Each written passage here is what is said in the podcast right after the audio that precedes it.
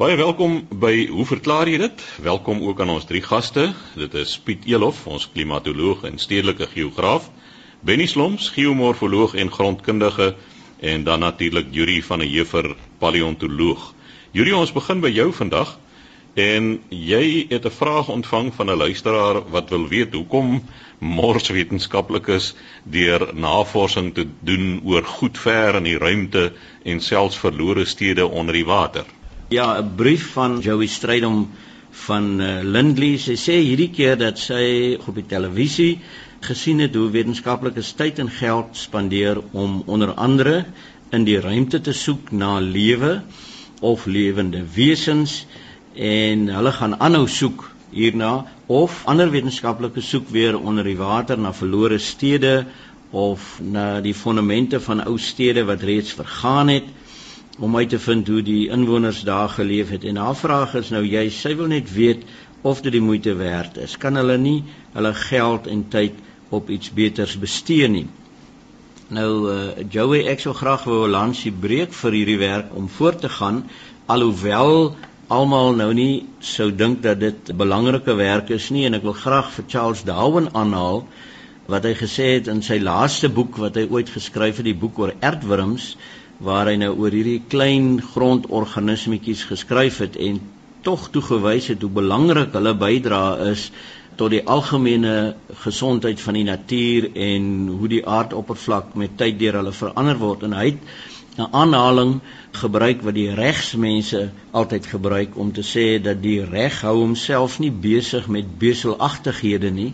En toe het hy spesifiek dit genoem dat in die wetenskaplike wêreld geld dit nie dat die beselagtighede die klein eh, vragies wat 'n mens vra, die klein dingetjies wat gebeur oor 'n baie lang tyd, jy dikwels 'n groot invloed en kan baie belangrik wees. Nou dis die een ding, die ander ding is natuurlik dat ons as mense is geweldig nuuskierig. Jy sal altyd kry dat as daar 'n bank in die park is wat klaar geverf is, pas geverf is met 'n kennisgewing op nat verf dan sal iemand daarop gaan sit om om te kyk of die verf werklik nat is. Nou om na die binnekant van die aarde self te kyk, ek dink geologies en om na versonke stede te kyk en die goed te ondersoek, het definitief 'n funksie want dit hou verband met een of ander katastrofe gewoonlik of 'n daling of stygings in die seevlak of dat die aardkors op 'n manier beweeg het sodat beskawings of stede wat op 'n sekere stadium gefloreer het, vernietig is en nou onder die water lê. En die rede hoekom dit gebeur het, kan vir ons van groot belang wees, want ons het nie as mense die vermoë om die toekoms in te sien nie. Wat ons wel kan doen is ons kan in die verlede rondkrap en ons kan kyk wat gebeur het en dit kan 'n uh, rigtingwyser wees om te sê hoe ons in die toekoms behoort op te tree.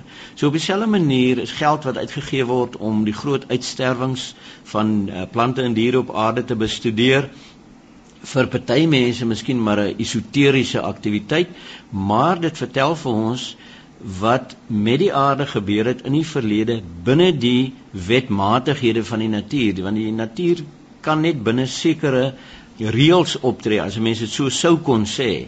Ons is in 'n uh, planetestelsel en 'n sterrestelsel vasgevang wat op 'n sekere manier werk en binne daai wetmatighede kan 'n mens dan sekere gevolgtrekkings maak. So as 'n mens nou maar dink aan die onlangse herdenking van die Titanic wat vergaan het 100 jaar gelede. Niemand het geweet waar hierdie skip presies lê nie totdat die tegnologie uitgevind het en mense regtig 'n ongelooflike klomp geld gespandeer het om 'n uh, masjien daaronder te kry om fotos, beelde van die skip te neem. Die ondersoek het sover gevorder dat daar nou presies kan gesê word hoekom die Titanic gebreek het en hoekom die Titanic gesink het.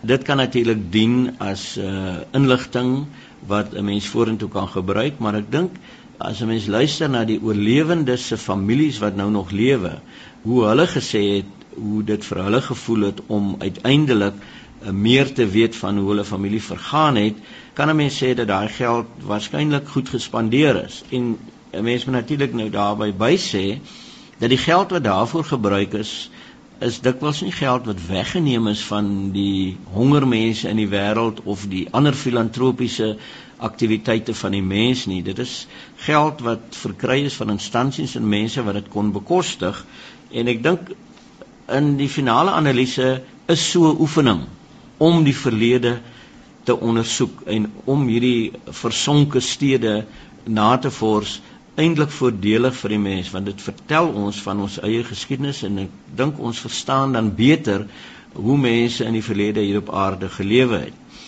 Die verwysing wat jy maak Joey na die buiteruimtelike wesens dink ek moet 'n mens net skei. Daar is 'n groep mense wat dink dat daar allerlei intelligente lewensvorme rondswerf en vreemde vleiende voorwerpe ons besoek met allerlei soorte ligte.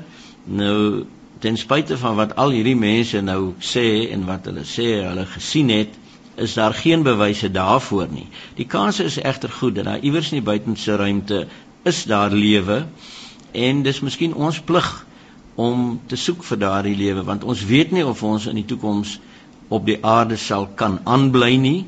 Mense sou verwag dat dit kan gebeur, maar ons kan nie voorspel nie en um, om uit te vind of daar ander plekke in die ruimte is waar lewe kan bestaan dink ek is 'n goeie oefening om te doen en uh, dit kos baie geld en daar is regerings wat bereid is om die geld daarvoor uh, te gee sodat die navorsing kan aangaan.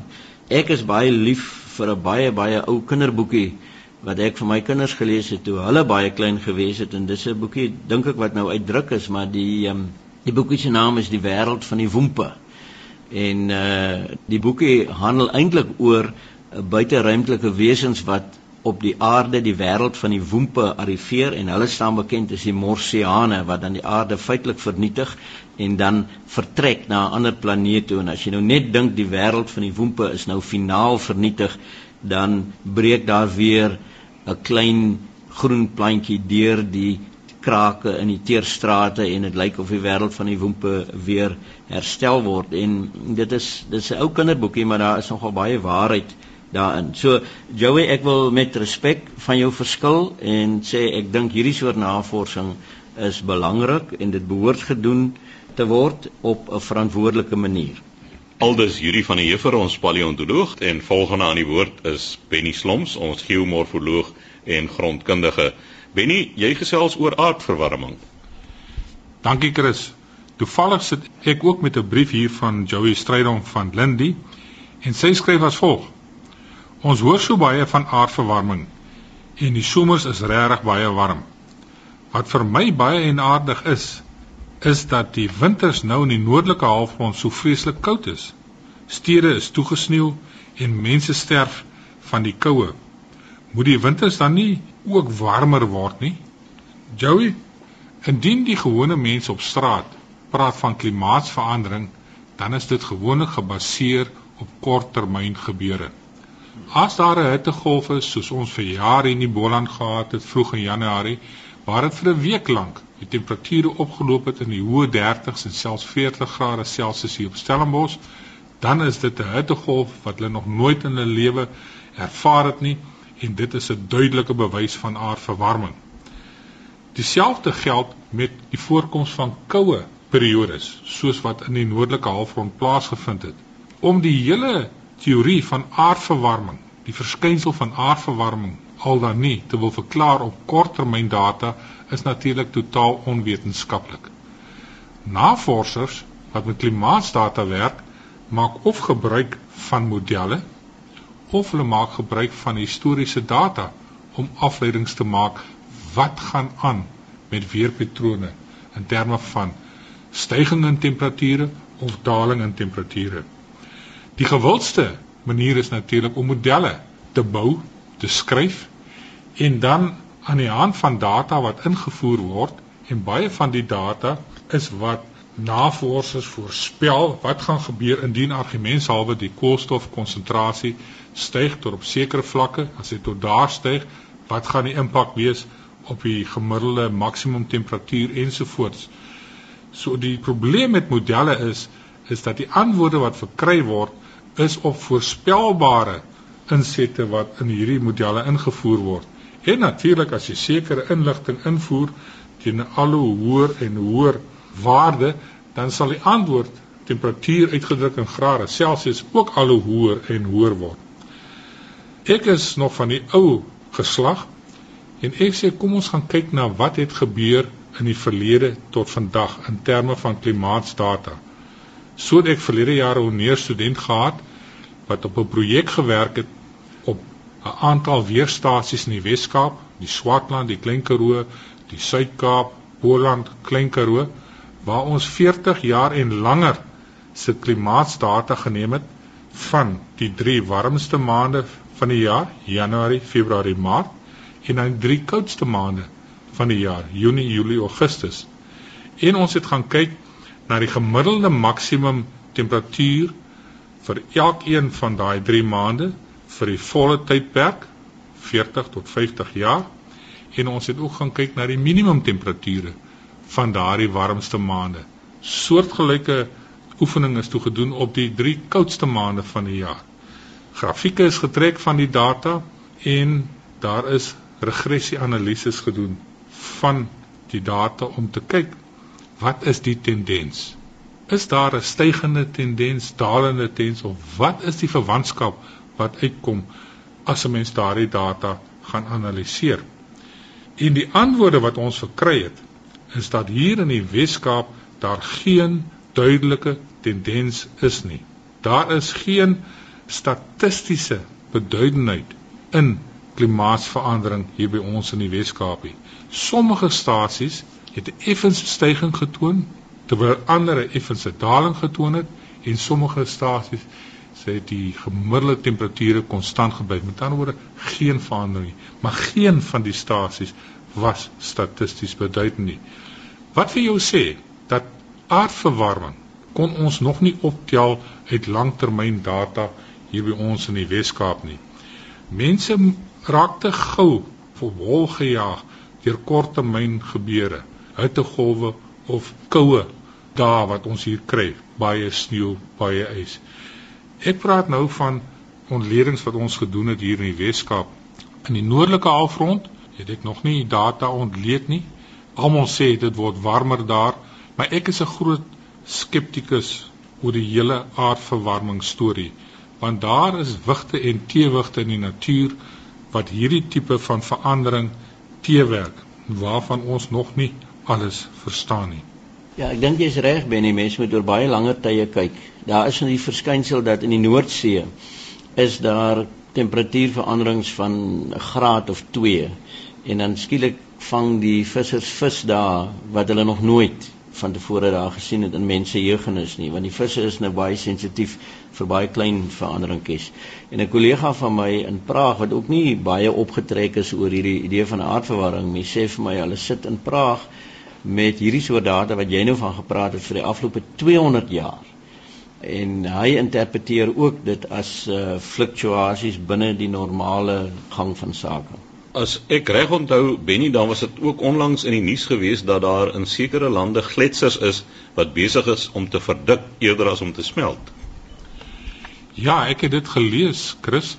En dan was daar ook onlangs 'n uh, artikel gewees in die koerant oor die Amazone wat op die oomblik sy hoogste vlak bereik het in die afgelope weet nie hoeveel jaar nie. En hulle skryf dit toe aan gletsers wat besig is om te smelt in die Andesgebergtes. Ek persoonlik het nie geweet dat die ys van die Andes so groot bydra maak tot die totale afloop van die Amazone nie. Ek dink iewers is daar 'n groot fout. Dit was net 'n abnormale hoë reënjaar, maar hulle het foto's gewys van stede, groot dorpe aan die onderend van die Amazone wat totaal oorstroom is deur die vloedwaters. Maar ek ehm uh, byt nie so lekker aan daardie gletser storie nie. Dit was net abnormale hoë reënval wat ons gekry het in die opvanggebied van jaar. So sê Benny Sloms, ons geomorfoloog en grondkundige. Volgende aan die woord Piet Elof, ons klimatoloog, stedelike geograaf en ook klaarblyklik visserman, want jy het reaksie gekry op jou visvangmetodes. Piet. Ja, Chris, ek wil vanoggend net 'n bietjie terugvoering gee en kommentaar lewer oor uh, skrywers wat ons ontvang het. Die program wat ons in vooraf gaan gaan oor die tale wat ons praat. Ek het agtergekom dit gaan dikwels ook oor die woorde wat ons gebruik ook in die die programme wat ons hier aan deelneem. Maar hier is 'n brief van meneer GF Davids van Vierfontein in Klerksdorp in die Vrystaat en uh mense besef nie altyd die mense kan partykeer driftig raak oor woorde wat ons gebruik. En uh ek deel graag uh 'n paar gedagtes hier met u. Meneer David skryf, hy sê een van die geëerde gaste het die volgende stelling gemaak. En die stelling wat hy gemaak het is die maan weerkaats net die lig van die son en straal nie sy eie lig uit nie en dan onderstreep hy wat die kollega dan gesê het is soos die Bybel sê nie. Nou die vraag wat meneer David sê, hy sê ek wil graag weet waar lees hy in die Bybel dat die maan sy eie lig uitstraal? Die Bybel lees as volg en dan haal hy aan Genesis 1 vers 14 tot 17 en ek gaan nou nie die hele al daai tekste lees nie, maar hy onderstreep hier om lig te gee en om lig te gee op die aarde. Nêrens staan daar dat die maan sy eie lig uitstraal nie. Nou, meneer Davids, ek was ietwat bekommerd toe ek die brief lees want ek het al 'n hele paar keer oor die maan en die son en kringel om die maan en die son gepraat en ek wil net seker maak of dit nie dalk ek is wat hierdie stelling gemaak het nie. Ek het 'n vermoede gehad dit was nie ek nie, maar ek wil seker maak en daarom moet ek weer na die program gaan luister. En uh die kollega van my se woorde was onder andere die maan skyn nie maar jy weer kaats slegs die sonlig en dan die gewraakte woorde maar is nie 'n ligbron soos dit in die Bybel staan nie. Nou hy het nêrens gesê dat die maan sy eie lig uitstraal nie. Dit gaan nie dat hy nie 'n ligbron is nie. En ek dink waarna ons eintlik hier verwys het is dat die maan is nie 'n primêre ligbron nie, maar is 'n sekondêre ligbron. Maar dat dit 'n ligbron is, dit is beslis so want hy voorsien lig op die aarde nie sy eie lig wat uitstraal nie weer kar. So dis 'n sekondêre ligbron wat hier eintlik na verwys het. So luisteraars, dis goed om te weet dat uh wanneer u ontspan, iets soms ook ernstig is oor dit wat daar gesê word en dit herinner ons maar net daaraan dat ons ook ons woorde wat ons gebruik moet mooi kies. Chris, jy het verwys na Hengel en so voort se brief hier van Ewert uit Port Elizabeth het ook uh, ons het gepraat oor kunsaas wat vashak aan strukture onder die oppervlak en uh, nou hy gee 'n goeie oplossing daarvoor. Hy sê gee jou visstok vir iemand anders om vas te hou en dan gryp jy die lyn in die hand en dan swem jy maar tot daar waar jou kunsaas vassit. Nou ewig ek wil net vir jou sê baie mense is maar half katvoet vir water. Ek onthou geleenthede waar ek in 'n oorlede kollega van my, wyle Dr. Boet Oorendal wat ook varswater Engel keurder was, het ek en hy by meer as een geleentheid op die Klein Willem Dam of in 'n dubbel kanoe of in 'n klein motorbootjie gehengel. En dan het ons juis hier na die sloepe toe gegaan en dikwels is ons kunsase dit daar vasgehak. Maar Boet het 'n baie interessante instrumentjie ontwikkel of vervaardig vir ons. Dit is 'n stukkie pyp omtrent so in die ou taal 2 duim lank wat jy dan 'n gleufie ingesaag het van bo tot onder maar skuins oor amper nie volledige sirkel om hom nie wat jy dan hak oor jou vislyn. Uit die aard van die saak het gee jy dan jou vis stok vir jou mede hengelaar en hy hou die lyn styf en hierdie pypie aan hom vas is 'n dikker sterker tou tipe van 'n nylon tou. Nou aan die onderkant van daai pypie hang 3 of 4 kettinge omtrent so 6 7 duim in die ou taal lank stewige kettingkies wat daarin vasgemaak is en jy laat glip hierdie pypie af in jou lyn af en jy speel maar so 'n bietjie met hom op en af tot daai kettingkies vashak aan jou kunsaas. Baie van die kunsaas soorte soos ons in Engels sê 'n treble hoek 'n drievoudige hoek en dan hak daai kettingkie aan die hoek vas. Dan het jy 'n baie sterker tou om jou kunsaas los te trek op die manier herwin jy hom sonder dat jy in die water hoef te klim. Want ek is bevrees as jy op die Kariba meer vashak of ander plekke in riviere soos Zambesi dan wil jy nie van jou boot afklim en swem tot daar waar jou kunsaas in die water is nie. Piet ek sien in die brief dat die skrywer verwys na Benny wat gepraat het oor sy kunsaas wat vashak. Dit is heeltemal reg maar ek wil hom net vir die luisteraar sê hierdie voorval het plaasgevind in die Okavango Delta. En ek wens die luisteraars kon sien wat se groot krokodille kom daar voor en seekoeie. Daar's nie 'n kans dat ek my hoek onder water sou gaan losmaak het nie. Ek het hom afgetrek en ek het by die grootste vreugde daardie skade gaan betaal die aand toe ek weer daar by die uh, blyplek aankom, maar jy kry my nie in daardie water nie. Dis dan net eh, 'n uh, laaste briefie hier kort enetjie wat ek gekry het van Louis van Rooyen. Ek is nie presies seker waar Louis woon nie, maar hy vra die volgende vraag. Hy sê: "Vra die manne in die wit jasse tog asseblief, hoekom vergaan ons van die hitte wanneer dit in die nag 15 grade is?" maar as dit in die dag 15 grade meet, krepeer ons van die koue. Nou Louis, een of twee goedjies hier rondom jou taal is baie sterk. Jy vergaan van die hitte op 15 en jy krepeer van die koue. Dit is baie sterk gestel.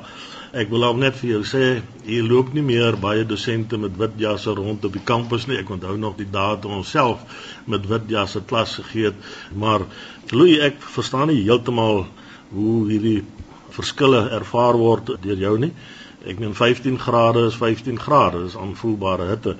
As jy nou in die nag 15 grade ervaar dan en jy kry warm of wat ook al, is ek nie heeltemal seker waarmee jy besig is nie, wat die hitte veroorsaak nie en oor hoe dik donskombers jy oor jou het om daai ervaring te hê nie maar uh, wat my aanbetref 15 grade is 15 grade. Ek dink dikwels wat jy dan daar ervaar is waarskynlik net 'n persoonlike persepsie as dit dan nou in die dag 15 is jy verwag dit moet warmer wees.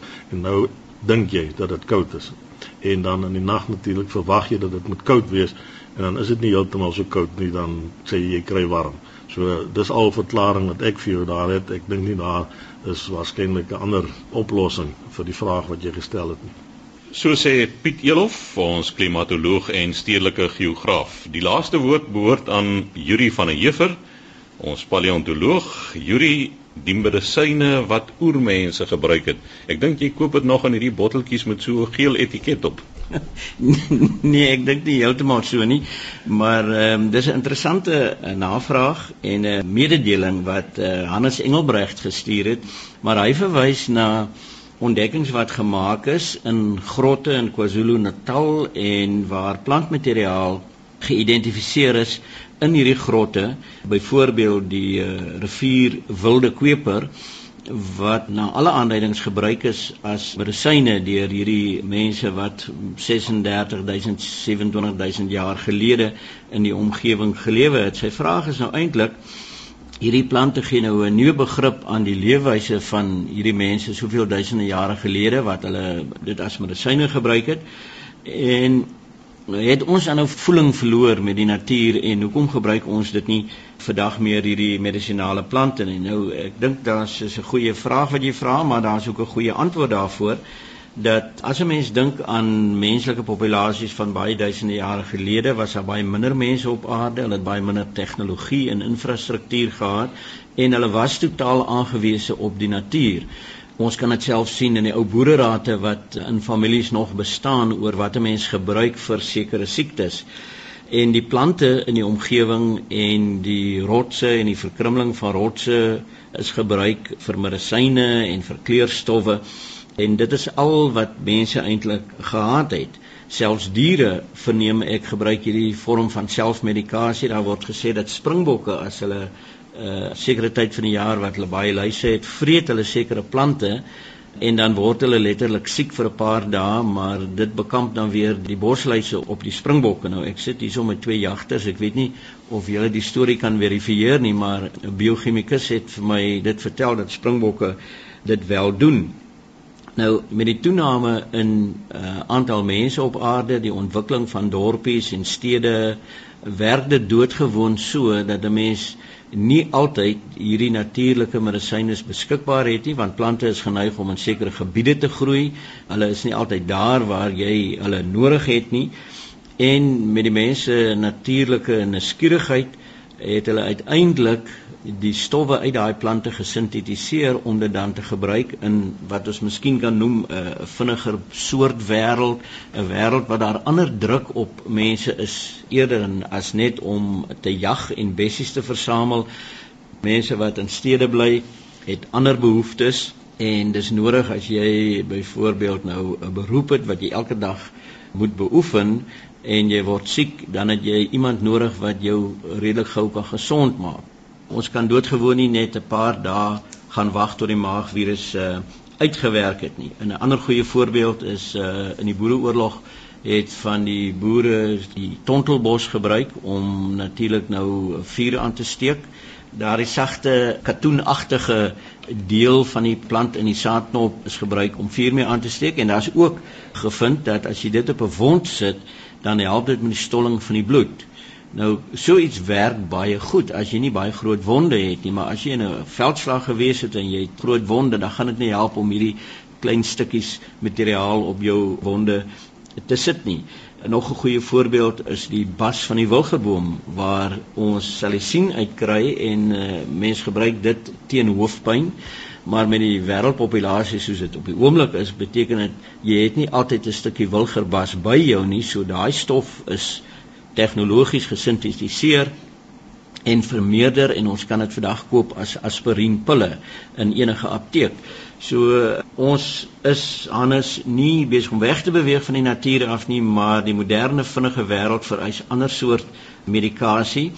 En die ander aspek daarvan is dat omdat daar so baie mense vandag is en jy wil medisyne maak, moet die medisyne gestandaardiseer wees. So dit is wat die moderne farmakologiese beroep vir ons gee. Hulle kan die stof sintetiseer, hulle kan dit verpak in 'n maklik gebruikbare, verbruikbare vorm en ons glo die standaarde wat gehandhaaf word beteken dat elke keer wanneer jy die pil drink het jy dieselfde reaksie daarop anderser as kom ons sê nou maar oormense wat met natuurlike stowwe gewerk het en nie altyd die resultaat gekry het waarskynlik wat hulle wou gehad het nie. Maar daar is tog 'n beweging terug na die natuur toe en mense kry in baie van die tuinboeke het jy uh, resepte van hoe jy uit sekere kruieplante uh, gewe kan maak en medisyne kan maak en reukmiddels kan maak wat jou gemoedstoestand bevoordeel of wat jou vel verbeter. So ek dink daar is mense wat jouselfe bekommernis deel dat ons nooit moet vergeet dat waar ons medisyne kom uit die natuur uit en ons kan onsself nooit eintlik werklik losmaak van die natuur nie. So sê Yuri van der Heever, ons paleontoloog, ons tyd is ook ongelukkig verstreke. U is welkom om te skryf aan hoe verklaar jy dit? Posbus 2551 Kaapstad 8000 of 'n e-pos te stuur aan chris@rsg.co.za.